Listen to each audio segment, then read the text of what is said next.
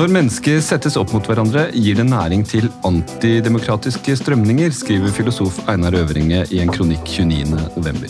Han er bekymret for at vi nå skaper et samfunn med indre fiender, og viser til at uvaksinerte nå fremstilles som gratispassasjerer som ødelegger, og derfor må kontrolleres ved hjelp av koronapass. I dagens episode av Medisinsk sentralbyrå spør vi om vi er på vei til et slikt samfunn. Et samfunn med splittelse mellom folket, mellom oss og dem. Vi spør om pandemien fungerer som en brekkstang for antidemokratisk, totalitær og autoritær tenkning. Velkommen hit, Einar Øvrenge. Tusen takk. Du er professor i filosofi ved Høgskolen i Innlandet.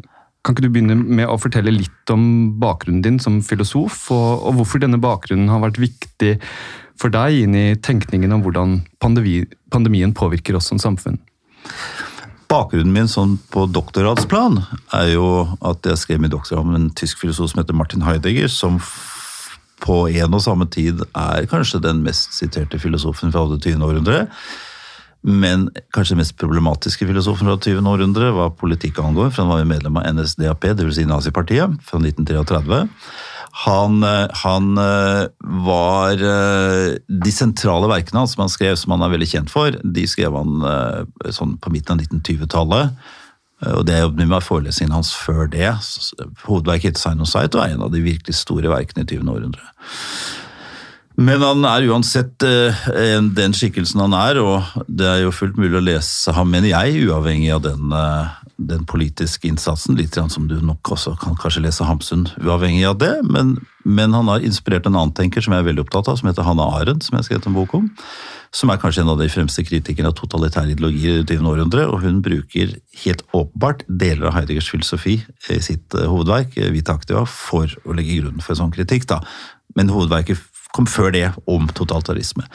Så du kan jo si at jeg, Men det er et begrep som ligger på lur hos begge to, som jeg har blitt mer og mer opptatt av. Det er begrepet tankeløshet. Ehm, det betyr ikke at du ikke kan legge sammen to og to og ikke finne veien hjem, på en måte, men at du har sluttet på en måte i en mer grunnleggende sånn reflektere over det du er involvert i, eh, og mer eh, Heidegger sier at når vi er dyktige til det vi driver med, er, så er vi oftest veldig absorberte. Såpass absorberte at vi ikke har et refleksivt forhold til det vi driver med. Det går av seg selv.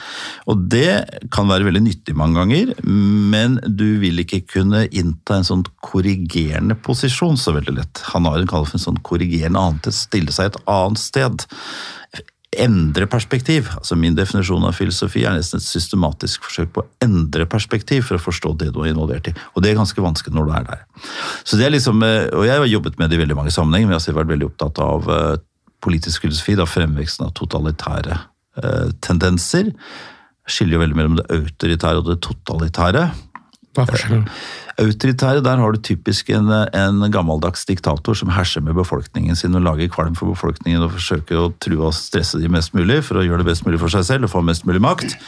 Og til slutt greier han det ikke egentlig, og til slutt så tar de hengram holdt jeg på å si, også, fra en lyktestolpe. Det var Mussolini. Mussolini hadde, hadde altså innført ordet totalitært, men han ble aldri totalitær selv. Han fikk egentlig ikke med seg folket nok. Fikk togene gå i tide, men ikke så mye mer, egentlig. Mens Hitler og Stalin de var totalitære. Da virker du ikke mot folket ditt, du virker igjennom det. Ønsket, altså? Nei, du får folket til selv å være på skansen og kreve mindre frihet. Du får folket til å kreve mer overvåkning, du får folket til å kreve mer undertrykkelse. Og metoden er vanligvis å skremme befolkningen din ved hjelp av massemediene. Goebbels var veldig god på det. Eller å introdusere en indre fiende som snart kommer til å ta deg jødene, f.eks. Som for øvrig er helt irrasjonelt. Det skal, være, det skal, helst være helt irrasjonelt. Du skal på en måte forlate din rasjonalitet, gå med på, på fortellingen selv om den ikke stemmer overens med dine faktiske observasjoner. Så Jødene vi kan si dem, de drev ikke og forsøkte å ta over Tyskland. ikke sant? De var ingen fare for noen. ikke sant? Det var bare en fortelling, et narrativ. Eh, hos Stalin så var det jo de kontrarevolusjonære. ikke sant? men, men, de var jo ikke altså, ikke sant? Altså, så kan vi fortsette. Mao hadde sine og sånt. Og det er de indre fiendene? Indre fiendene som gjør at flertallet uh, tar til orde. De skremmes opp. altså De kan ta deg når som helst. Ja, for å bare gå, ja. Nå skal vi etter hvert innover ja. mot dette med pandemien. da Kan du forskuttere hvilken av disse to konseptene eller begrepene, autoritær eller totalitær, du tenker er mest relevant som vi bruker om dette med pandemien? Altså, Hvilken tenker du er mest jeg, jeg tror, relevant? jeg tror vi er ganske beskytta mot det autoritære på mange måter. Altså, altså At det kommer en fyr altså, vi, får, vi kan godt si at det er autoritære grep som tas, men la oss si at det er en eller annen form for ikke tilfredsstillende, ville Hans Petter Graver si, professor hus, altså, men at vi har en rettsstatsmessig grunnlag for, altså, i en eller annen forstand. Altså, Nedstengning skulle vært gjort i statsråd og litt sånt, men ok, la oss si at vi har en slags demokratisk forankring på det. Eh, Så kan vi gjerne diskutere den, den bør diskuteres. Det totalitære er når befolket ser helt på siden av det, blir såpass skremt opp at de blir irrasjonelle.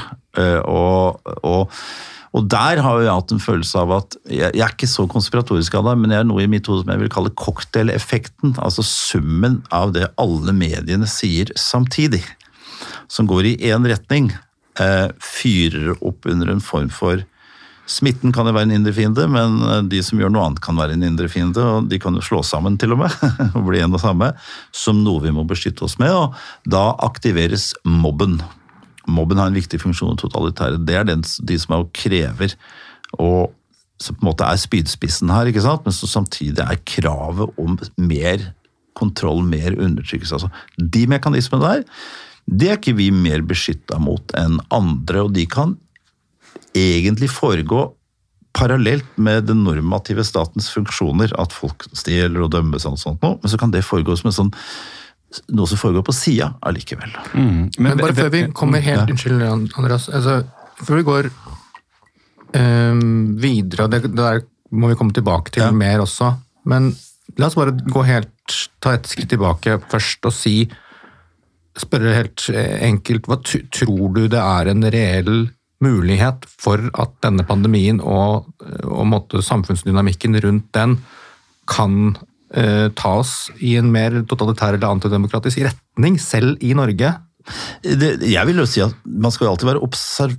Muligheten er jo selvfølgelig der. selvfølgelig. Demokratiet er ikke nødvendigvis veldig robust, og ikke engang nødvendigvis i Norge veldig robust. Men du kan jo si at det er, noen trekk som får feste seg, f.eks. Altså, jeg ser ikke for meg at vi blir Hitler-Tyskland i overmorgen, eller Stalin-Sovjet eller Maos-Kina. Det er ikke det.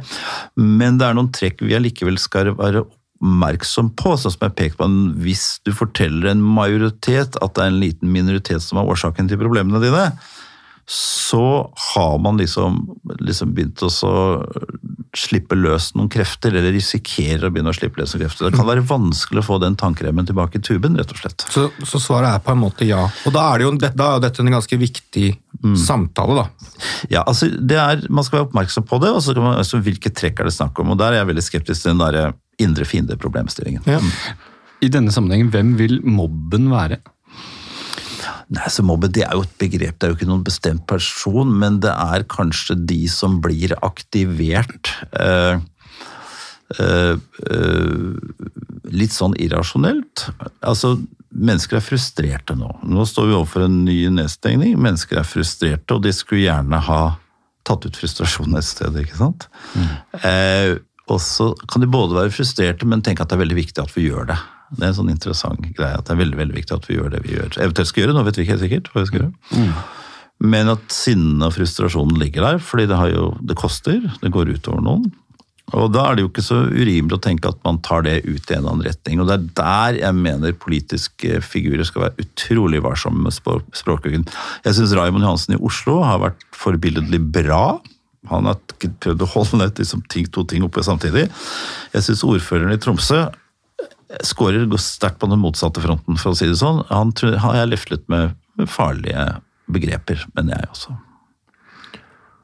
Men så enda, et, enda en gang et skritt tilbake før vi går Ja. inn i de veiene eventuelt man kan gå mot altså hvordan, hvordan vi på en måte kan ende opp i den retningen mot det mer totalitære i denne sammenhengen, så har jeg lyst til å spørre eh, rett og slett veldig grunnleggende hva, hva er problemet? Fordi, bare for å ta et sitat fra Facebook her om dagen, der en legekollega stilte et spørsmål som var noe sånt som um, Hva er problemet med disse frihetsinnskrenkningene? Har vi fått, hun spurte da, har vi fått et samfunn hvor individets frihet trumfer evnen vår til å gi en- enkeltindividet omsorg? var hennes formulering. Er, her står det åpenbart ulike verdier opp mot hverandre. Hva, Ja. hva er problemet? Du kan jo si, Det er jo, det er jo alltid en balanse. Hvis du går tilbake til gresk filosofi, så vil jo det spørsmålet som utløste filosofien, altså, hva er et godt samfunn? ikke sant? Altså, Når er et samfunn godt? Og Det er visse ting som er på plass. Aristoteles svarte jo typisk eh, jo et godt samfunn er et sted hvor mennesker kan leve gode liv. Sånn svarer jo en sann filosof. da, dukker opp nye spørsmål. Men hva er det for et menneske? Og han vil jo si jo, du må få lov til å leve ut det egenartede det å være menneske, og det er jo selvbestemmelse en ganske viktig del av det. Få lov til å bestemme over seg selv. Og så kan vi si at men, vi kan, men det må reguleres. Men da er vi i en naturrettslig tradisjon. Friheten din den kommer, den er en eksistensiell utrustning. Statens oppgave er å forsvare den gjennom å begrense den. Ja. Ja. okay. Og, det er jo, og da er det jo en sånn balansering her. Det viktigste begrep, det viktigste begrepet vi har for å finne ut hva det riktige er, det er eh, rasjonalitet og selvmotsigelsesfrihet. Altså du har gode, ikke-selvmotsigende grunner for å gjøre noe. Det er ingen som mener at man ikke ja, det er kanskje, men det er få. Ingen som mener at vi ikke skal ha fartsgrenser på veien. Men selv om det dør men allikevel, selv med fartsgrenser, dør det 110 mennesker hvert år i trafikken. sånn røffelig. Det tallet kunne vi fått ned i fem, eller null, ved omsorg. Vi bare plomberer alle motorer, så det ikke går fortere enn fem km i timen. Det er til og med gjennomførbart, det er ikke spesielt vanskelig engang. Det kunne vi gjort. Da har vi reddet de livene. Altså, så det er det som er problemstillingen her. Forholdsmessighet. Og det er det som ligger der, ikke sant, hele veien. Det er jo ingen som ikke mener vi skal ha omsorg for mennesker, men du skal huske på at du kan ha såpass mye omsorg for mennesker at du sier at du får ikke lov til å gå ut også, for det er farlig. Så dette forholdsmessighet som vi hele tiden hører om Ja, ja. som nøkkelordet for hvor mye tiltak som er greit, det, er, det har en, på en måte en filosofisk historie? Jeg mener jo at det er selve grunnlaget. Det er, det er altså, Jeg jobber mye med etikk, da. Og, og egentlig jeg skrev en kronikk en gang som tok utgangspunkt i det nå dere skrev en kronikk, men jeg overførte det politiske. Dere skrev det å kurere én sykdom kan skape en annen sykdom. Politisk, det å løse et samfunnsproblem kan skape et annet problem. La oss si terror. Terrorproblemet kan du løse ganske enkelt og greit. Portforbud 24 timer i døgnet, 365 dager i året. Så er terrorproblemet helt akademisk, alt jeg på å si. Altså, det er ingen folkemengder, så du kan ikke drive med terror. Er vi, problemet er at du kan aldri løse en problemstilling ved å stirre på en, løse en problemstilling ved bare stirre på den. Ikke sant? Da, da vil du ikke få med deg det poenget. og det For meg så er grunntanken i etikk å greie å, å vekte opp mot hverandre. Og det er, krever nyanser som media ofte er veldig lite åpne for. og Derfor blir politikere veldig lite åpne for det også, for de fører mediaspråk videre. Og da får vi beslutninger som, hvis det er, spiss, hvis det er liksom såpass spiss som det er nå, nettopp ikke det- se på sånne forhold. Ikke sant? For det, det man kanskje kan si liksom, i denne konteksten her, er jo at den medisinske verdier har fått veldig eh, mye verdi. Da. Eh, eh, men at samfunnet består jo av andre deler enn en medisin, helse. eh, og at vi er på vei kanskje inn i et slags sånn, jeg vet ikke hva slags riktig ord det- man kan bruke på det. En hegemoni, f.eks. En medisinsk Ja, ja. eh, ja. Altså, den, den, du kan si at ethvert fag har en virkelighetsbeskrivelse. Det er jurister som snakker om den juridiske virkeligheten. Ikke sant? Juridiske virkelighetsbeskrivelse, ja, det er jo et aspekt ved det. Men hvis vi bare skal Vi har jo mange menedrierte økonomer som har den totale beskrivelsen av virkeligheten. altså Det er, jo, det er rett og slett eh, si bunnlinja som skal avgjøre. Og, et, og, og medisinen har fått et hegemoni. og det, altså når, når, Hvis helsevesenet blir den nye hegemonen, sant? så hva er det plass til da? De har jo sine problemstillinger. Fulle sykehus og slitne ansatte og, og det hele tatt. ikke sant? Eh, og er det vi skal ta hensyn til? Og problemet som du peker på, er at samfunnet består av veldig, veldig mange forskjellige ting som skal balanseres samtidig, og de må liksom ses litt i forhold til hverandre. Og det er jo det som er problemet nå, at vi har, eh, er i ferd med å bli en ensakssamfunn, altså, hvor det er én sak som teller. Ja, og inn i, inn i medisinen også, så er det jo ikke helt lett på en måte å peke på dette. For vi, vi beskytter jo åpenbart uh, Liv og død betyr, eh, betyr fryktelig mye i denne tiden. Men hvis du, hvis du tenker liv og død utenfor sykehuset, utenfor død av en infeksjonssykdom, så er det f.eks. vært min bekymring, og det har vi jo et tall på også, at at det er overdosedødsfallene har økt i løpet av pandemien. eh, Og det tilskrives pandemien i stor grad. Mm. Jeg har jo min liste bestående av mange eldre pasienter med psykiatriske lidelser også, som jeg mener har fått langt dårligere livskvalitet, Mm. og dødsfall også knytta til det. Så det, det virker vanskelig å på en måte si noe helt Eller konkret. selvmordsstatistikk er jeg nysgjerrig på. I England tror jeg det sies at de har en sånn greie på at for hvert poeng renta går opp, så kan du lese av på selvmordsstatistikken. Ikke sant? Jeg skulle tro at noe av det samme her også, men det er selvfølgelig vanskelig med selvmord, for det er så store mørketall. Eh, Frontkollisjoner, eller hva snakker vi om, ikke sant? Ja, det er jo en, bare for oss, Nå er vi jo midt i en sånn fase med mulige nedstengning og mer tiltak og sånt. og det er jo bare sånn, det har gått mer og mer opp for meg at hva er det som er verdien, hva er det som er terskelen for at vi stenger ned, for at vi gjør dette i vårt samfunn, er ikke bare helse, men det er og at du får god hjelp etter historiske standarder på helseves i helsevesenet, men på sykehus, men at du får den beste høyteknologiske hjelp på en intensivavdeling. Hvis ikke alle kan få det, så stenger vi ned. Det er den standarden vi har for å gå innskrenke andre verdier.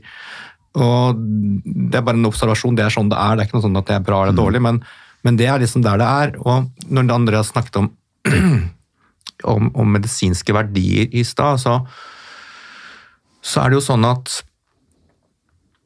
eh, hva er de medisinske verdiene? Man kan jo si at det er helse og, og, og, og, og, begrense sykdom og, og sånt, men det er også i økende grad det å minimere risiko. Og når vi, er, når vi hele tiden gjennom pandemien har snakket om dødelighet og alle mulige tall som har vært i pressen, og, så, så snakker vi jo egentlig om risikoen vi hele tiden føler på for å dø eller bli syke. Og fra risiko, da, så er det jo veldig kort vei til frykt. Det er det. Og, og hvordan tenker du om frykt som vei mot det, det totalitære, eventuelt? Eller Det finnes jo de to sterkeste følelsene vi har. Det er jo frykten for den fysiske døden og frykten for den sosiale døden. Det er jo de to store. Eh, Noen ganger så tror jeg folk er enda mer redd for å dø sosialt enn for å dø fysisk. faktisk. Sosiale døden Hva er den sosiale døden? det er å bli stengt uten, utenfor, altså. Ja. Det, er, det er konformiteten, ikke sant. Um, men det er de sterkeste følelsene. Er politics by fear er jo en kjent sak. Altså, hvis du introduserer frykt liksom inn i ligningen, så forsvinner rasjonaliteten. Og det morsomme i dag er jo at man Jeg leste et sted hvor en fyr som sa at det er ikke en menneskerett å smitte noen. Og så tenkte jeg Nei, det er mulig at det ikke står der, men det er veldig vanskelig å tenke seg Setningen er rar, fordi all den tid du kan smitte noen uten å vite at du er syk er det, det er ikke jeg, Men det går an i noen sammenhenger å gjøre det. Så kan man jo si at da må du nesten bli en menneskerett å gjøre det, siden du har fri bevegelsesfrihet i riket. Ja. Altså Hvis du sier at jeg vil ikke omgås mennesker som kan smitte meg, det har begynt å feste seg sånne, så tenker jeg nei, men det, fins en måte å gjøre det på, men du må låse deg inne i kjelleren og være helt alene resten av livet, så, så slipper du det. Det, det er jo en, historie om det der. Eh, har vi tid? Tyfus Mary. Okay, vi har tid, Ja. Har vi tid? Ja. Eh, etablerte en, det er å gå inn i sykdomsforståelsen, og da tenkte man jo tidlig at sant, hvis, du har, hvis du har et virus da, eller en bakterie, så har du sykdommen. Eh, og i New York på, på 1920-tallet så gikk det en kokke rundt, eh, og hun hadde eh, tyfoidfeber uten at hun hadde symptomer. Hun smittet en hel bråte mennesker, og fryktelig alvorlig sykdom. Hva er det for noe? Hva er det tyfoid? Det er, det er, det er en, eh, en bakterieinfeksjon som gir en veldig alvorlig febertilstand og, og etter hvert um, organsvikt osv. Så, videre. så fryktelig alvorlig sykdom. og um, hun ble jo da tvangsinnlagt eh, og endte resten av sitt liv på institusjon. da. Eh, Det sier jo litt om at på, det sier jo flere ting, sånn filosofisk. For det første at eh, en bakterie eller virus er ikke det samme som sykdom.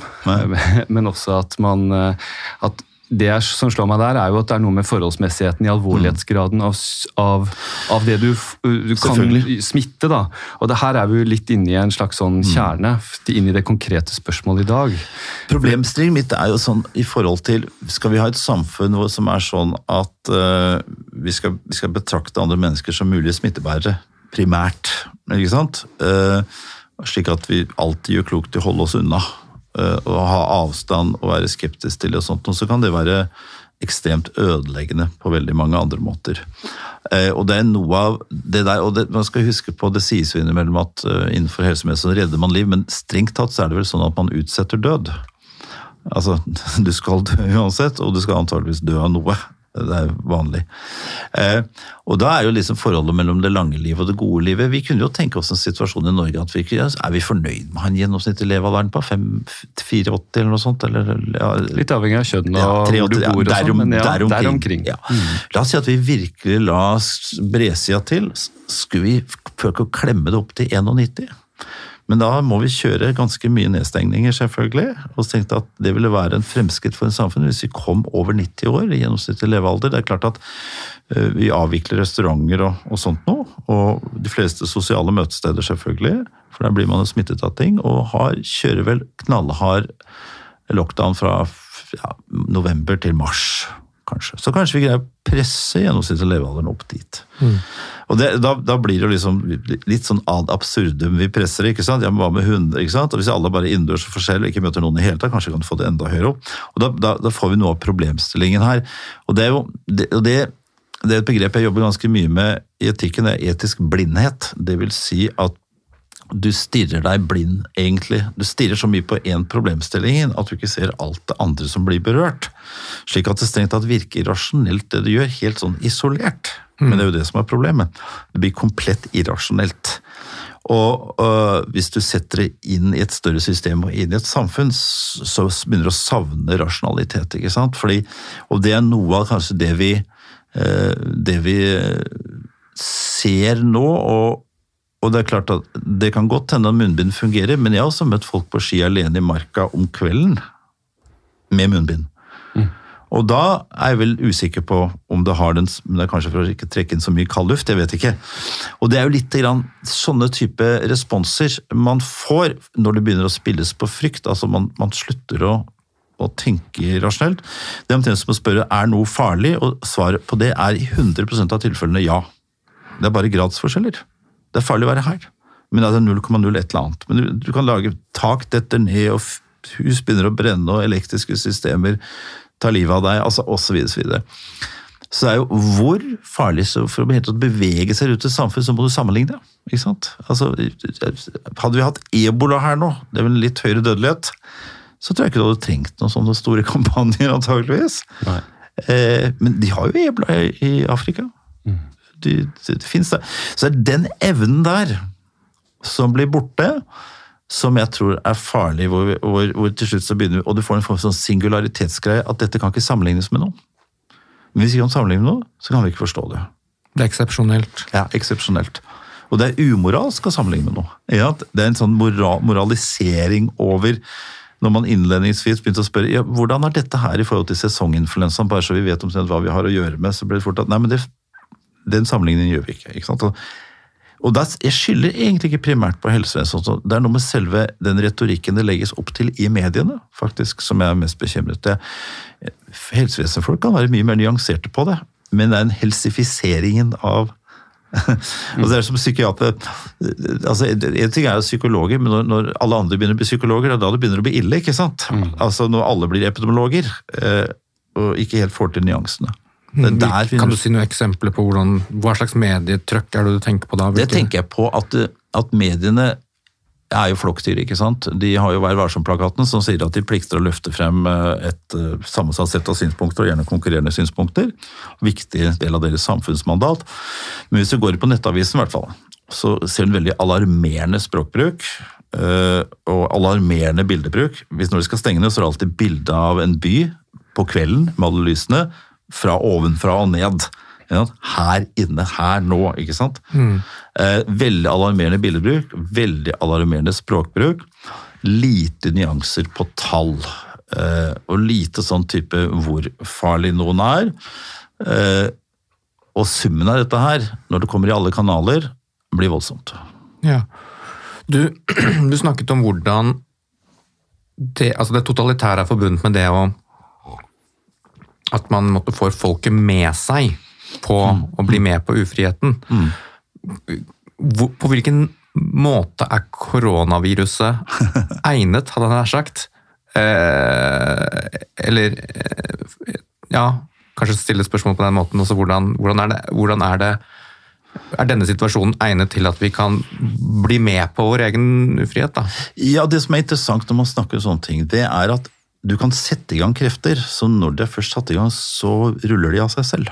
Det er litt av poenget her.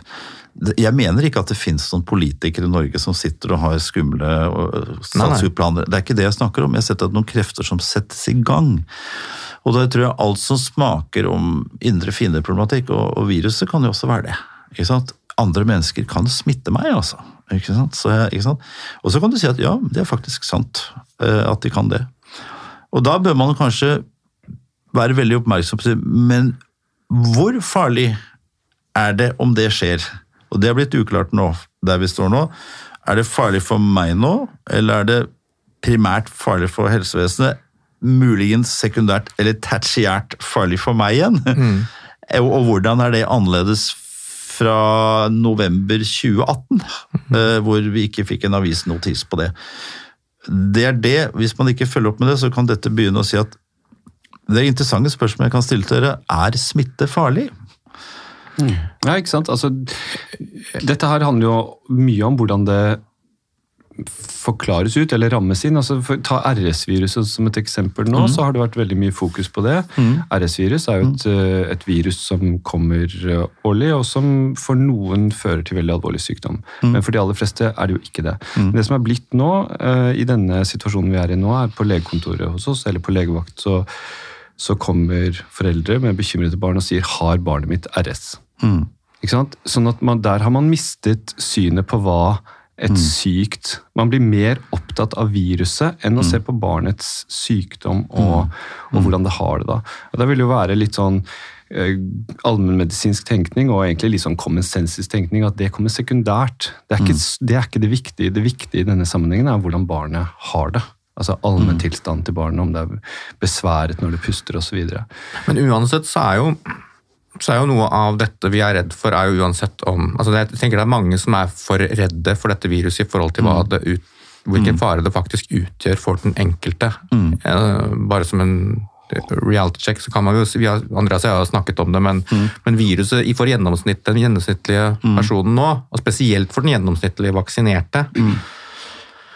Er, er um, ganske lav. Sannsynligvis under altså, død, influensadødeligheten dødelighet, per person. Mm, ja. er, så, er, er, er, gjennomsnittsbefolkningen ikke noe spesielt høy. Under, sannsynligvis under influensa. Hva vil det si egentlig, tall? Liksom, ja. Influensa er jo ja. blitt en sånn benchmark for, vi hele tiden snakker om, men, men det, det dør, har dødd kanskje gjennomsnittlig 900 mennesker av influensa mm. Mm. i året. Da all hovedsak eldre mennesker liksom. per sesong. Og det er november-mars, sånn røftlig. Ja, vintersesongen, ikke sant. Mm. Og, Eh, og det er Overvekt av, eldre. Ja, ja, ja. Vel, men faktisk noen unge også, med, noen i større grad enn med, med korona, faktisk. Eh, mm. Sånn at Altså, viruset er Når vi nå stenger ned, så er det en situasjon mm. der viruset for den enkelte ikke er så farlig. Så at prosjektet går veldig, i veldig stor grad på også Eh, som, jeg, som vi har snakket om, det med å unngå nedstengning. Så det har blitt et felles prosjekt å unngå nedstengninger, kanskje delvis etter hvert, og at, liksom, at det er et felles prosjekt å, å, unngå det at vi må ta mm. tap og sånt. Og det er jo også en sånn, kanskje en, mm. en situasjon der du, du, kan få også dem, fordi mm. de som ikke bidrar til det, mm. eh, er jo utafor. Ja. Men, men, For å svare litt på det du sa med, med smitte også. så du, Det ene er jo det kollektive og hvordan vi forholder oss til det. Det andre er jo hvordan jeg som enkeltmenneske mm. tenker rundt, rundt, det med smitte. Og som Henrik var inne på i sted, medisinsk risikoreduksjon. Mm. Det, er veldig, veldig, det er veldig vanskelig for oss å, å gripe rundt det. Mm. ikke sant? Og mange vil jo ende opp med å si at ja, det er lav risiko, men jeg er likevel ikke villig til å ta den sjansen. Og Derfor kan man spørre om, liksom, om, om risiko siden vi er såpass irrasjonelle mm. rundt det. Mm. Og rasjonalitet er ganske viktig med tanke på det der med å mm. kunne forholde seg, altså ikke gå gli inn i det totalitære. Altså at, at, risiko, helsefrykt, helseangst, risiko er ganske ideelt da, for det derre der, Mm. som et sånn drivkraft. Mm.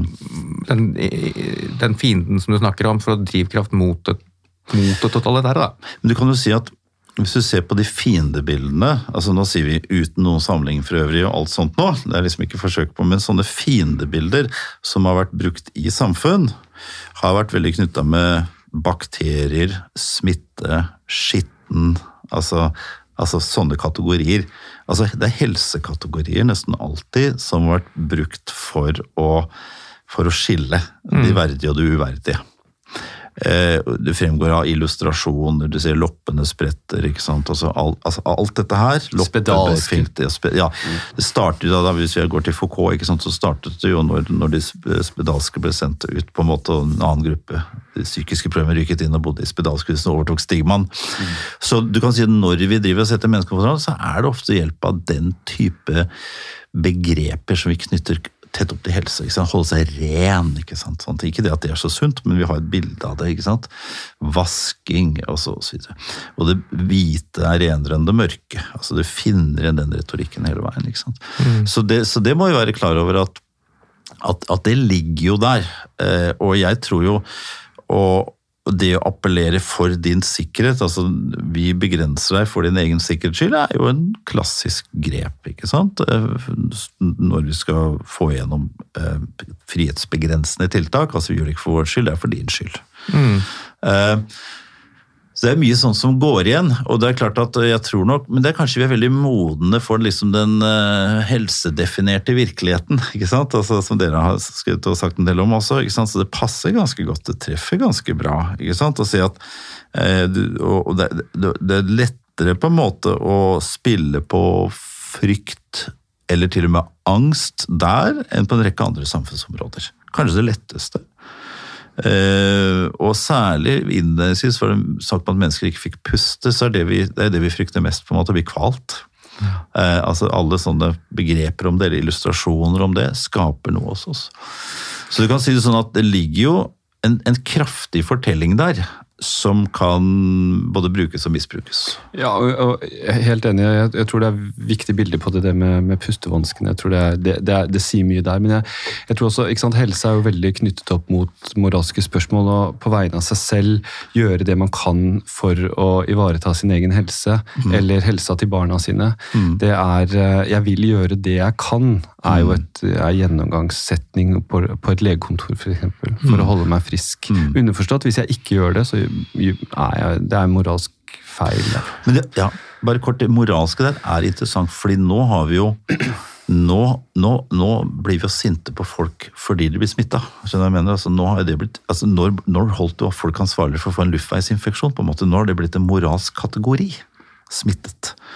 På en måte, og det er altså så vi moraliserer. Politikerne står på podiet og strammer opp befolkningen fordi det har blitt så mange smittet der ute. Men interessant det begrepet som spesielt kanskje eh, noen i Helsedirektoratet har brukt, sånn med skjerpings. Skjerpings, ja. Må dere skjerpe dere. Ja. Bli mindre smitta. Ja.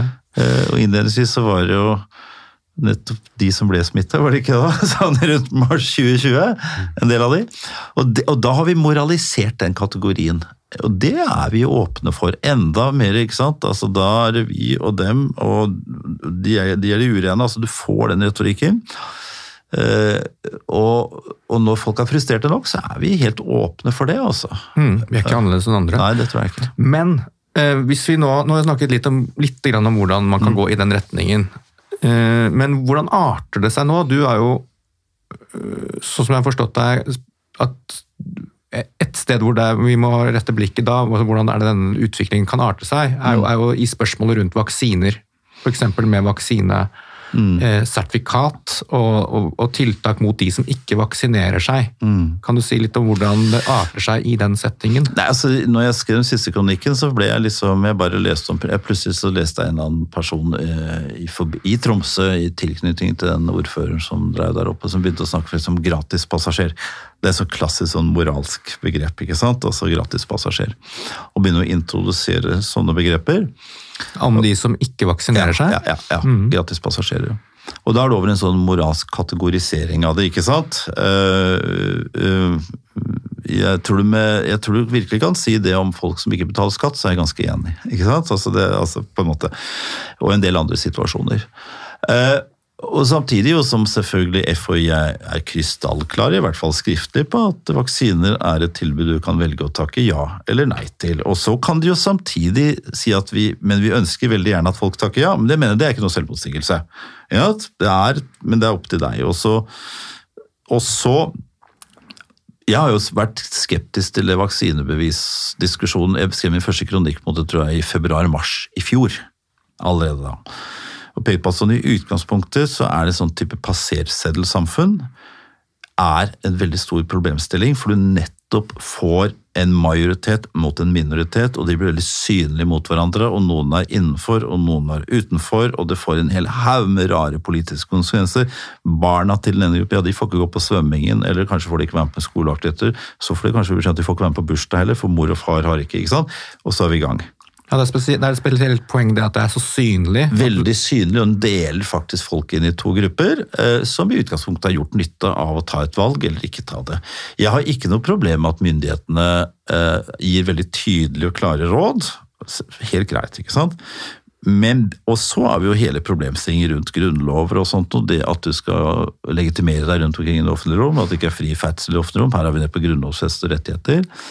Eh, og så blir det jo da plutselig på toppen av det hele om det egentlig strengt tatt er godt uh, verktøy for smittevern, da. Ikke sant, Som blir det siste. ikke sant? Og, og, hvis det ikke, altså Helt uavhengig av det, så mener jeg det er svært problematisk, selv om det i og for seg eh, hadde vært sånn at de vaksinerte overhodet ikke kunne bli smittet, og overhodet ikke kunne smitte videre, så mener jeg fortsatt er det problematisk som et verktøy, gitt farligheten til, til altså jeg mener Det er fortsatt ikke forholdsmessig, vil jeg si det er å skyte spurv med kanon. Mm. Men hvis man i tillegg ikke er sikker på om det nødvendigvis er godt smittevern heller, så ser jeg overhodet altså Det er store problemer med å se oppsidene, men jeg ser veldig klart nedsidene ved det verktøyet. Og det, ja. det er vel det som jeg Men nettopp fordi det er den type inndeling av befolkningen. Da. Ja, I begynnelsen så var det, når det gjaldt vaksinesertifikat, så var det mest snakk om det at det, det ville bli brukt som en altså Fordi folks frihet var jo i utgangspunktet innskrenket. Mm. og Noe man ser som noe problematisk. Og så var det snakk om at øh, sertifikatet skulle brukes til å oppheve den ufriheten. Det er hjemmelen. Det er sånn hjemmelen er i dag. Er det, er det, likt i dag, i praksis? Vi vet ikke, for vi tror at regjeringen jobber med å forsøke å få en endring. Og det er det som har vært problematisk siden de første koronalovene kom, at vi har hatt en øh, utøvende myndighet. Altså det, en av de store viktighetene i demokrati er maktfordelingsprinsippet. Du har en lovgivende myndighet, og den er folkevalgt. Den lager lov. Den utøvende myndighet den lager ikke lover, den, den styrer på grunnlag av lovverket, og den dømmende myndighet som dømmer på grunn av lovverket. Vi har hatt en situasjon i halvannet år nå hvor vår utøvende myndighet har laget lover og presentert dem på pressekonferanse i praksis. ikke sant? Eh, og det samme den første koronaloven, så ble stoppet av noen jurister som sa veldig tydelig fra at dette er å gå altfor langt. Hans Petter Graver var en av de, men det var flere. Og det var ganske bra at de gjorde det. Så jobbes det på samme måte som det er gjort hele veien her nå. Jobbes litt sånn i skjul, med, for så eh, kom hjemlene knyttet til vaksinepasset. Var at det skulle være å lette. Altså, gitt at du er nedstengt, så kunne vi gi lettelser til de som hadde vaksinert seg. Det kunne ikke brukes til å stenge ned. Altså Ordføreren i Tromsø tok fullstendig feil. ikke sant? Han solgte, han solgte noe han ikke hadde. Uh, og Derfor gikk det jo ikke gjennom i Tromsø, for han skjønte at det var et kjempestort problem. dette her. For han skulle stenge ned ved hjelp av det. Han skulle stenge folk ute ved hjelp av det. ikke sant? Mm. Og det, det, er det ikke hjemmel for. Men for alt jeg vet nå, så kan det komme en beskjed i klokka syv i kveld at vi har fått til en endring på hjemlene, eller noe sånt, slik at vi faktisk kan gjøre det. Jeg mener jo Uansett så mener jeg, gitt farenivået, så mener jeg det er et for sterkt virkemiddel gitt det faremiddelet, for det er så mange andre problemer. Som, hvorvidt det skal krysse grenser er en annen problemstilling. Eh, for det er andre land, ikke mm. sant? Så jeg har ikke ment så mye om det. Jeg syns det er problematisk fortsatt, men jeg har ikke ment så mye om det. Men allikevel, som en innenlandsverktøy, så mener er litt det samme som vi gikk veldig hardt imot portforbud, en gruppering som er en del av. Ganske enkelt fordi gitt at vi gjorde det vi allerede gjorde, så til, tilførte ikke portforbud noe ekstra. Ikke sant? Hvis det hadde vært det eneste som gjorde det, og hørte ikke hjemme i det norske politiske landskapet. Og jeg mener at koronapasset hører ikke hjemme i det norske politiske landskapet. Så uansett, på en måte. Og så kan man si på toppen hele tida ok, frihet har også en pris, ikke sant. Direktoratet det ser jo ut til å tenke annerledes, da. de skriver jo blant annet, ikke sant, begrunnelsen der, eller det, jeg tror det er et brev fra 17. november, mm. kan hekte det opp etterpå. Um, så sier du at, um, at det er jo sånn at um, vaksinerte vil smitte mindre enn de uvaksinerte. Og de ser eh, ikke noe sånn Sånn som jeg leser det brevet, så, så adresseres jo ikke nedsiden Nei. av et koronapass eller sertifikat i det hele tatt. da. Så de, de på en måte hopper litt sånn Hva, hvordan, hva vil du råde dem til å Hvordan skal de tenke rundt dette? De plikter å vurdere nedsiden, for de plikter å gjennomføre en forholdsmessighetsvurdering. Og det er ikke det samme som å si at det er forholdsmessig. En forholdsmessig er å si hvis vi gjør det er omtrent på stengende skoler. Hvis vi stenger skolene, hvor mange innleggelser sparer da? Hvor mye intensivplasser sparer da? Hvor mye død? Mulig du har dårlige tall på det, men du plikter faktisk å gjøre det. Så det er en mangel, tenker du? Ja, i det som, for det, det, det etterlyser jeg også, rett og slett begrunnelsen for det. Konklusjonen kan jo være helt riktig. Ja, den. Anna Nylund, professor i juss også, har vært på det hele veien og sier at det de sier er at dette er forholdsmessig selvfølgelig riktig. Nei, forholdsmessig betyr faktisk å vise oss regnestykket. Vise oss tallene. Mette Karlager, professor i medisin også, har vært veldig på dette her. ikke sant? Få se tallene deres. Kan godt hende det er riktig, men vi må se tallene. Nakstad har vært notorisk på å, å kaste ut ting uten at det følges opp av tall. Og det har vært noe av problemstillingen hele veien. Så, så hvorvidt noe er forholdsmessig, det må man jo, da må man jo måle ting opp mot hverandre, og så må man jo trekke inn ja, alle mulige berørte parter. da. Altså i forholdsmessig, Da må man trekke i forhold til det og det og det og det og det. Og det Og det er jo også noe som ikke har vært gjort. Så det er noe av problemstillingen. Det bør du gjøre. Eh, eh, og og så hvorvidt det smitter mindre eller mer, ja det kan godt hende det stemmer. Da må man selvfølgelig finne noen fagfellevurderte ting på det. Det kan dere mer enn meg, selvfølgelig. Eh, Men det ligger folk på sykehus i dag med korona som har vaksinert seg, så ligger folk på sykehus med korona som ikke har vaksinert seg, vil jeg tro. Så det gjør det i hvert fall. Ja, vi, vi snakket litt om det, Andreas og jeg, før. Vi lyst til å utfordre deg litt, fordi Fordi eh, Det er helt klart at det er, det er ikke det er ikke veldig godt Jeg, jeg tror heller ikke et koronasertifikat i dag er, en, eh, er en spesielt godt uh, smittevernredskap. Det, det, det er det sånn, men, men det er noe med at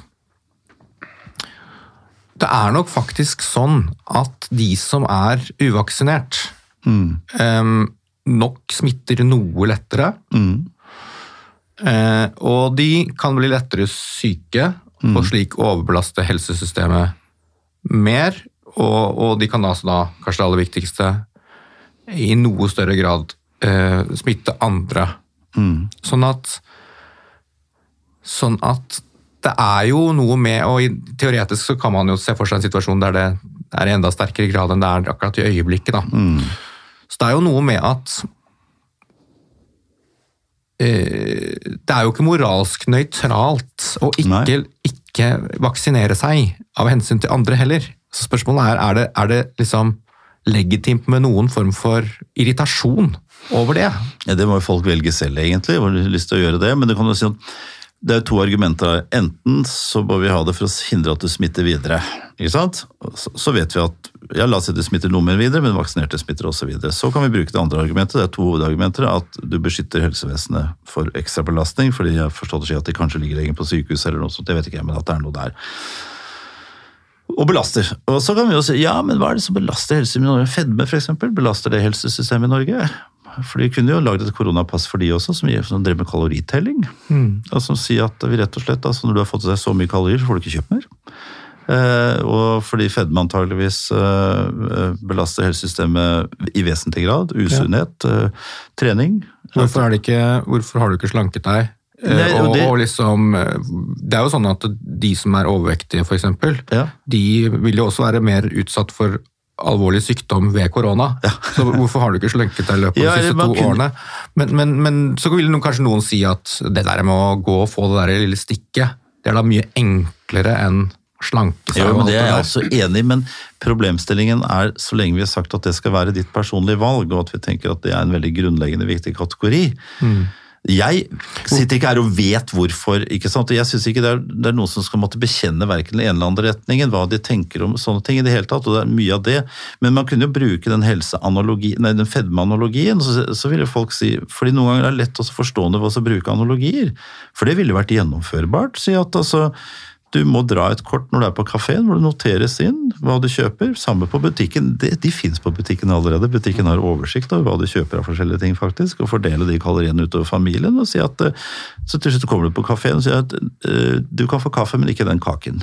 Mm. For du, du, fotavtrykket ditt, uh, kalorifotavtrykket ditt, nå er er for høyt. Altså, og Det er nettopp sånne typer problemstillinger, og da blir jo til slutt spørsmålet og, og, vi kunne definitivt tatt på røyking, tror jeg.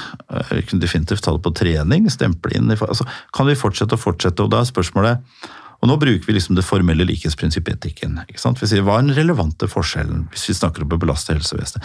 Når aids kom på slutten av 80-tallet, var det mest vanvittige forslagene om hva man skulle gjøre med folk. da. Internering var en av forslagene. Tatovering på innsiden av låret var en av forslagene. Det var jo mm. eh, mm. Ikke ende på alt det som ble foreslått for å håndtere det. Mm. Og det er, det er noe av det som jeg tror er veldig farlig. Det, jeg er jo helt med på det hvis, det snak, hvis vi snakker om på en måte belastningen på helsevesenet. Samtidig som vil det kanskje være noe spesielt nettopp med smitte, sånn, eh, fordi mm. du påfører andre noe. Du påfører andre altså Man kan, man kan mm. si det, da. Mm. Så du påfører andre en sykdom som de kunne vært foruten. Ja. foruten ja, så, ved, et, ved, et, enkelt tiltak. Det det kan du godt si, og til viss grad så kan du jo si det i forferdelig mange andre situasjoner i samfunnet også. Eh, og da er jo, altså Et åpne samfunn er et forholdsvis farlig samfunn. Du kan jo si det sånn at ja, men jeg ser at fartsgrensen er 110, men hvis dere alle kjører i 60, så driver de ikke og påfører hverandre en del problemstillinger. Selv om fartsgrensen er 110. Ikke sant? Så kan man begynne å moralisere over det. Og Det kan man gjøre i alle retninger, og mitt problem er at og kanskje vil man begynne å gjøre det i alle retninger. til slutt.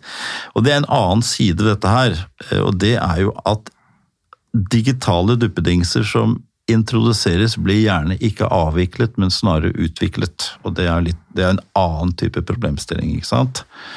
Hvordan hente seg inn igjen. Mm. Hvordan man lager vaner. Og de får man jo fort. Og så blir de bare sittende, og så kan man si hm, det passet kan vi jo bruke til mange andre ting. Ja, vi kan kanskje bruke det for å bekjempe fedme.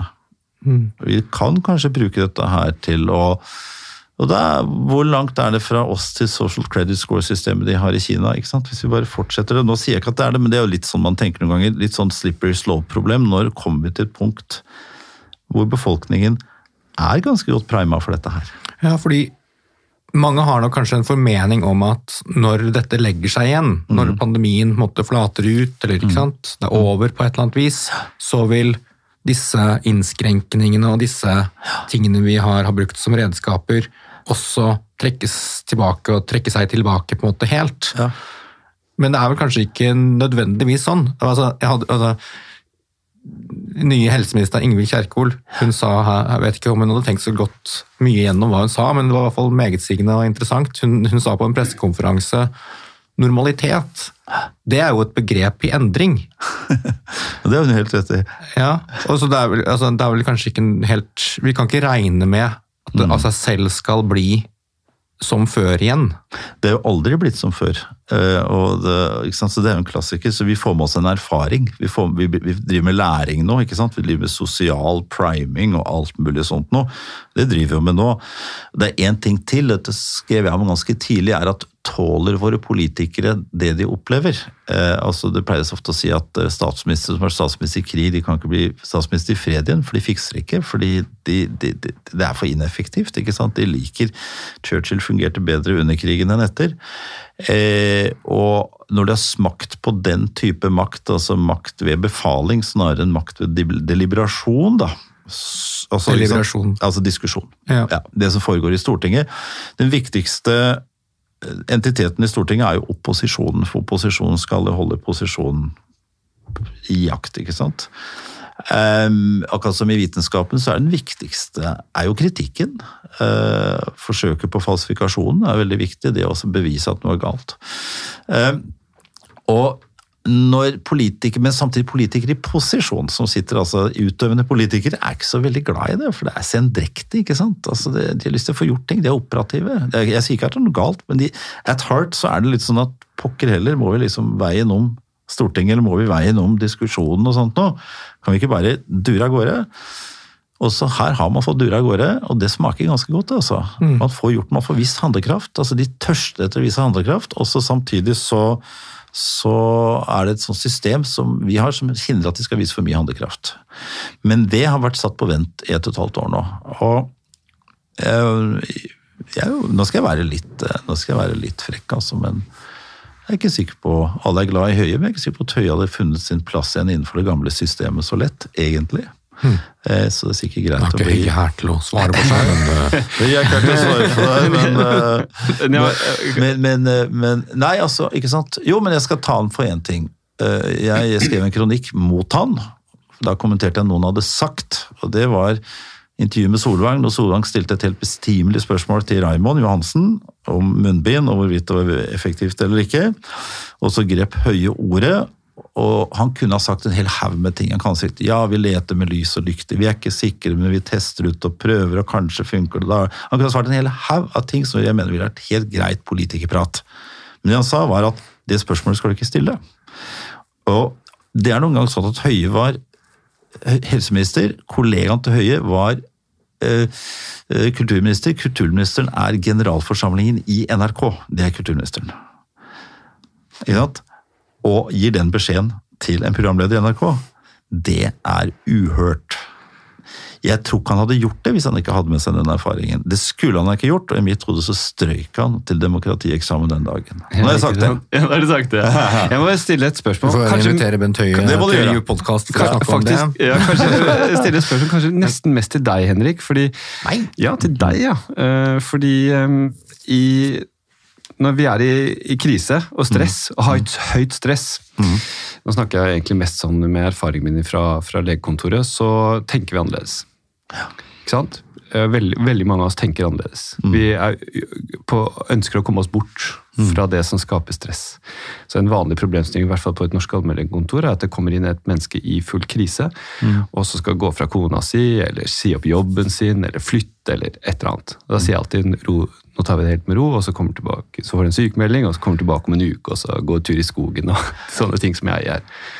Eh, for, nettopp for at man skal begynne å koble på de fremre delene av hjernen igjen. da. Mm. Også kalt rasjonaliteten. Også kalt rasjonaliteten, Men det man kan få inntrykk av ofte i denne pandemikonteksten, er at ting skal skje veldig fort. Mm. Det er derfor jeg, For det første er du enig med det fysiologiske resonnementet mitt, Henrik. Og det andre er eh, Haster det så Eh, mye med å ta beslutninger? Eller for Man kan av og til få liksom inntrykk av at det skal skje på, på timen eller dagen.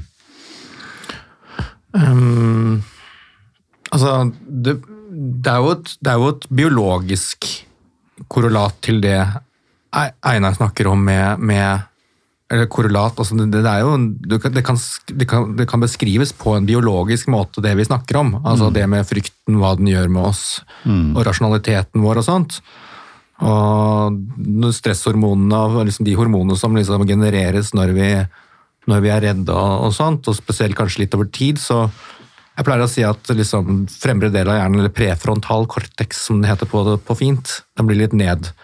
Den blir litt nedhøvlet, rett og slett mm. og fungerer dårligere. Og da, kom, da, da, mm. kommer jo nye altså, mer primitive, for å si det på den måten, hjernedeler til, til syne. Og, eh, så du jo, kan jo få en, en slags nedsmelting av, mm. av, de, av de, funksjonene. og og det går helt fint an å biologisk tenke seg hvordan, hva det gjør med et samfunn der mange mm. også går rundt litt på mm. den måten over tid. Eh, så det finnes et fysiologisk en forklaring for så vidt på det. Når det gjelder det med om det skal gå fort, så tenker jeg jo at det er jo noen ting det er jo liksom litt problematisk, det er jo noen ting som må skje fort, fordi det er noe av mm. hovedproblemet med denne pandemien er som sagt ikke at, at viruset er så forferdelig farlig. Hadde det vært mm. fryktelig farlig, mm. så hadde det kanskje vært enklere for oss mange av disse etiske problemstillingene. Det er sånn mellomposisjon mellom ikke farlig og veldig farlig. Men det som er liksom vanskelig med det, er at at det er såpass smittsomt at det kommer i sånne voldsomme, raske blaff. Men jeg tenkte på, men du tror ikke også det? Det slo meg akkurat at selve intensivretorikken har blitt dagligtale. For på intensiven vil jeg tro at det skal skje fort. Eller stemmer ikke det? At, det? at det er en form for akutthet som på intensiven Jeg vet ikke, jeg har aldri vært her, men jeg vil tro at, at der er en akutthet som de er veldig fortrolig med. Ja, altså på godt og vondt. Ja, ja, det er så det er det sånn at når før nedstillingen 12. mars i fjor, så kan du se de stemmene som dukker opp i pressen som skriver de mest, Ja. noen av de mest eh, på godt og vondt definerende tekstene, for eksempel, er intensivleger. Og det er klart, intensivmedisin er jo en Mm. er jo en del av medisinen der det er ekstrem disiplin. Ekstrem, altså det er jo en, det er jo en, det er jo en men også, også hvor ting kan skje veldig fort. der det kan skje veldig fort. Ja, men det er en ekstrem, men det er ikke demokratisk nødvendigvis heller, for å si det sånn. Nei, altså det er vel kanskje litt å Jeg er jo kjent for kanskje altså, Men, men, men, eh, men eh, jeg, jeg skulle til å snakke om det litt i stad, men altså Ja. Men medisinen er som fag, mm. for å provosere litt innad, da, ikke spesiell, historisk spesielt veldig godt forhold til friheten, Nei. og ikke et fag som er spesielt opptatt av det. Eh, og sykehusvesenet er ikke et sted eh, spesielt der eh, friheten og, og som står veldig sterkt som verdi, vil jeg si. Det er ganske hierarkiske strukturer der du følger linjer. Er, Jeg har vært i militæret og jeg har jobbet på sykehus et år. og det er, det er jo de stedene som minner mest om hverandre, og de som, legene som trenger mer personlig frihet, de søker gjerne til allmennmedisin eller ut. ikke sant? Eh, Sånn at det er ganske, det, Og det må være det, akkurat som militæret. Det Ja, ja. må organiseres på den måten. Men det er, altså helsevesenet og, og Mm. medisin mer generelt er ikke om samfunnsområder som man kan stole på skal være spesielt opptatt av frihet. For å sette det på spissen så ville ikke jeg, hvis jeg var folket, Mm. hatt spesielt stor tillit til at Helsedirektoratet skal være spesielt opptatt av det som Nei. verdi. Det er ikke er Helsedirektoratets liksom- jobb, på er et vis. sånn- så du får sånne medisinske virkelighetsbeskrivelser, du kan få den juridiske. Altså, du får sånne virkelighetsbeskrivelser, ikke sant? Mm. Omtrent som vi har også tenkt at vi har levd under en økonomisk virkelighetsbeskrivelse, så at alt skal vurderes ut fra profitt, eksempel. Mm.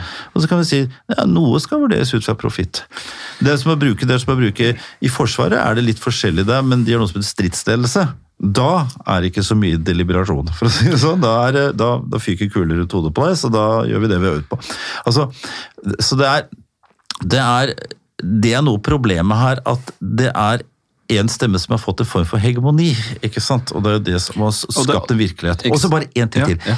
Så tror jeg i tillegg det sosiale mediepresset som gjør at du er på hele tida. Ja, for dette snevre Den turen i skogen som du snakker om, som jeg tror er utrolig viktig, den får ikke. For når du er i tur i skogen, så går du og hører på akkurat det samme. Ja, jeg er helt enig, så du trenger litt pusterom. Jeg mente, det jeg Ja. mente i sted, var egentlig bare å legge på en måte fysiologisk til rette for å ta gode beslutninger. Ja, og du får ikke det med det sosiale medier. Ikke, ikke sant? Fordi at, eh, og igjen, hvem som har den hegemoniske makten. Eh, Medisin er jo åpenbart av mange ting, og for eksempel et mantra i allmennmedisin er at vi ser det an. Jeg ser den, ja. Vi ser dette an, og vi bruker tid som diagnostikum ofte. ikke sant? Vi bruker tiden Mm. Og det, er, bevisst. altså, og det er et prinsipp som har fått forrang, som jeg har jobbet med med før. altså Det som heter precautionary principle, føre-var-prinsippet. Som kommer faktisk fra Hans Jonas, som igjen har det fra Martin Heidegger, faktisk. Men det vet Ja. ikke folk så godt om. Fordi han, det var Heideggers kritikk av teknologien. I møte med teknologiens utvikling så bør vi ha det precautionary principle, før var-prinsippet, for den går så fort, så vi kan, må kunne stoppe. Men hele, hele hovedpoenget med bruk av føre-var-prinsippet er at de grepene du skal ta, må være lite inngripende. Ok, La oss si litt om føre-var-prinsippet, og, det- og dette prinsippets eh, måte, rolle i pandemien Ja. og styringen. Ja, prinsippet, Først, kanskje. Føre-var-prinsippet det er jo et prinsipp som går ut på at hvis du tror at noe er gærent, og ikke er som det skal være La oss si det sånn at du finner plastikk inni fisken. Ok, Du trenger ikke å forske så veldig mye for å skjønne at plastikk skal ikke være inni fisken. Det er ganske, du tenker at det og så er du litt usikker på hvor farlig ødeleggende det er, og hvordan du skal ikke sant? Altså, du er- er usikker på det. Så betyr det at du ikke skal gjøre noen ting? Nei. Du kan da si at vel, da gir vi beskjed om at ikke kast plast i havet. Ok, Det er ikke veldig inngripende. Du kunne ha gjort noe annet. og si slutt å produsere plast. Slutt å bruke plast. Det ville vært ekstremt inngripende. ikke sant? Men det gjør du ikke. Du sier ikke kast i havet. Og det er det vi tenker at vi er ikke helt sikre på hva som er årsaken, hvor farlig det er, men sånn, vi tenker at sånn skal det ikke være. Hva kan vi gjøre i forkant, før forskningen har kommet dit hvor den kan levere fra seg en fagfellevurdert tekst som presenterer tall osv. Skal vi bare sitte og gape og se været da? Da er det føre-var-prinsippet kommet? Nei, vi kan tenke føre-var. Heidegger skrev veldig mye om faren ved fremveksten av teknologien. Hans Jonas plukket opp det, og så er det et møte med en del teknologisk utvikling. og da i møte med, Så kan vi tenke at vi må være litt føre var. Vi, ser, vi vet ikke hva det er, men vi må være avventende. Mens nå har Hvis du universaliserer det prinsippet og sier at du alltid kan bruke prinsippet, ja, så kan du lokke ned hva som helst. Eh, det var som Raymond sa, Raymond Hansen sa for en stund siden, vi kan ikke stenge ned samfunnet for sikkerhets skyld. Men det er mange som mener at vi kan stenge ned samfunnet skikkelig. Og hvorfor mener det? Fordi det har vært gjort før. Det er det som er problemet med ting som er gjort før. I det det har vært gjort før, så kan det gjøres igjen. Altså vår toleranse for det er endret. Og det Altså nå brukes føre-var-prinsippet med ekstremt inngripende. Uten at vi er helt sikre på om det funker. Og det, eh, og det er, Eller hvor mye det funker. La oss si at vi stenger ned samfunnet nå, da. Hva vet vi om hva som skjer i ettermiddag? Hvor mye sykdom sparer vi på det? Altså Hvis så er vi i gang med den der igjen. Men da sier de nei, men føre var. Og, og det virker som en slags toleranse i befolkningen, nesten et krav i befolkningen. I hvert fall i media. Nå må noe gjøres, stikk motsatt av allmennmedisinen, som sier nå må vi se det an. Mm. The art of doing nothing er jo det, Jeg sier ikke at vi skal gjøre det i denne pandemien. i det hele tatt. Det er absolutt ikke. og jeg, På et eller annet tidspunkt så må vi det. Men, men the art of doing nothing er også et valg, og det er, ikke, det er, ikke, et dårlig valg i medisin. I hvert fall ikke fra mitt perspektiv. Men jeg tenker at det viktigste er jo kanskje at vi, at vi får det på bordet at det er ulike perspektiver mm. og, og, måter å se dette på, tenker jeg. Og så får man jo diskutere innbyrdes hva som er riktig. Eh, vi må vel kanskje ja. begynne å tenke på runda, Henrik?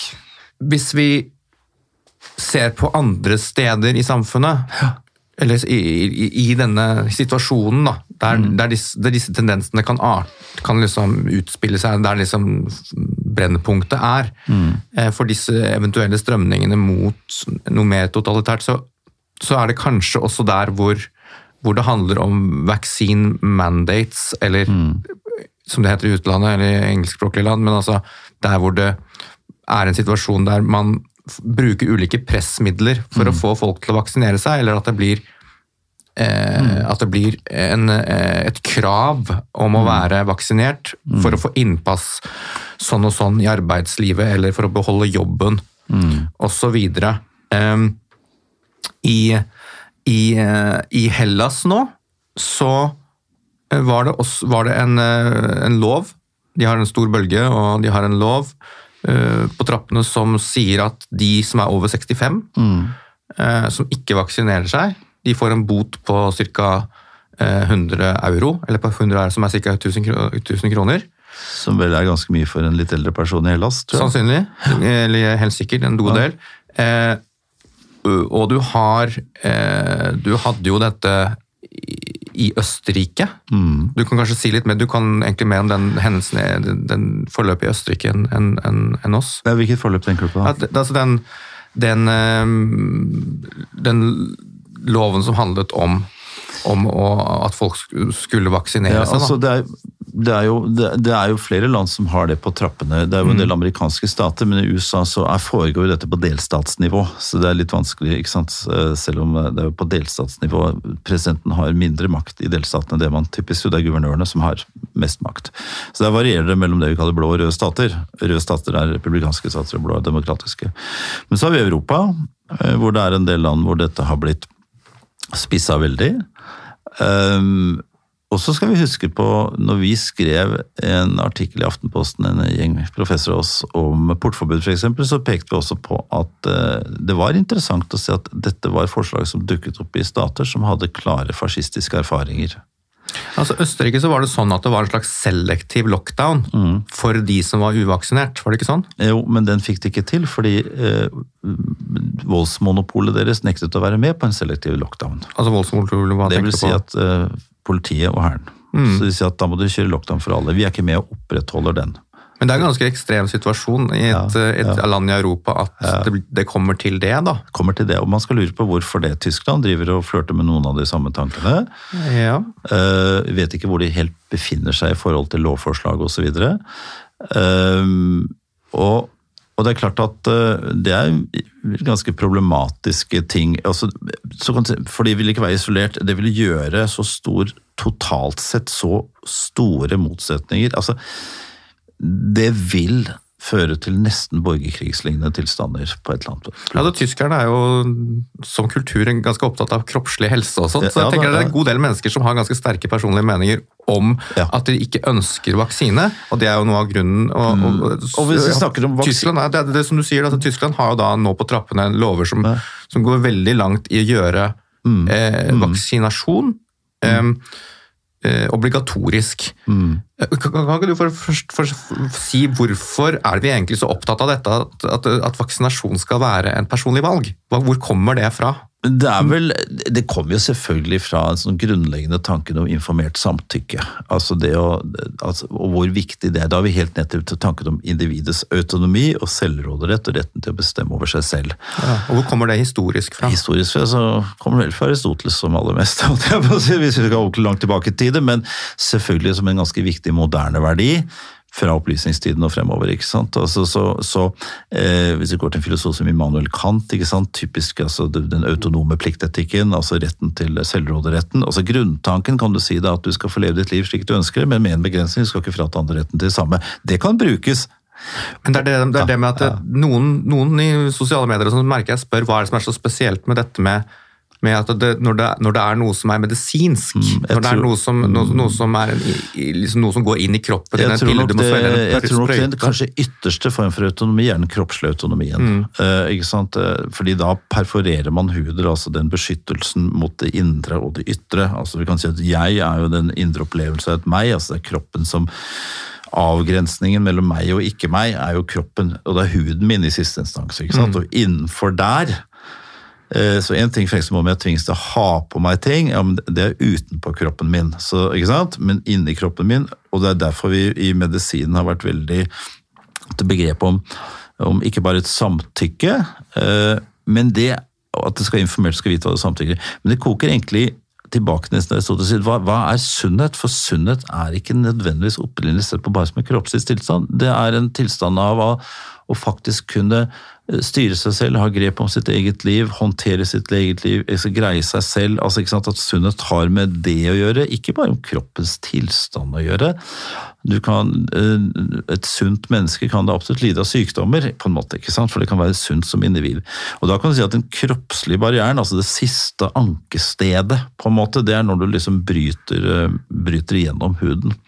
Og så er det jo selvfølgelig en åpenbar historisk, nærhistorisk eh, greie når det gjelder akkurat til det medisinske, at ingen skal kunne det er jo ikke lov å diagnostisere noen i Norge uten informert samtykke. Under Breivik-saken så ble det jo mye fjerndiagnostisering skjedd fra folk som satt rundt omkring, og de brøt loven, egentlig. Det er ikke lov til å diagnostisere, behandle, medisinere, operere eller noen ting uten et informert samtykke. Folk har råderett over sine egne kropper. Så det stikker veldig, veldig dypt, og, og uh, har jo innenfor forskning og eksperimentering, så er vi tilbake til Nürnberg-koden og Helsinki-deklarasjonen, ikke sant, om du skal gjennomføre Jeg har jo masse rundt om du skal gjennomføre Hva er Nürnberg, kan du si? Nürnberg-koden det var rett i etterkant av annen verdenskrig. Ja, så det er ganske viktig historisk. Ganske viktig historie, hvor de hadde foretatt bisarre eksperimenter på mennesker i konsentrasjonsleirer. Men det som er problemet, en av de undersøkelsene de drev med, en av de veldig, veldig motbydelig forskning de drev med, var kuldestudier på mennesker.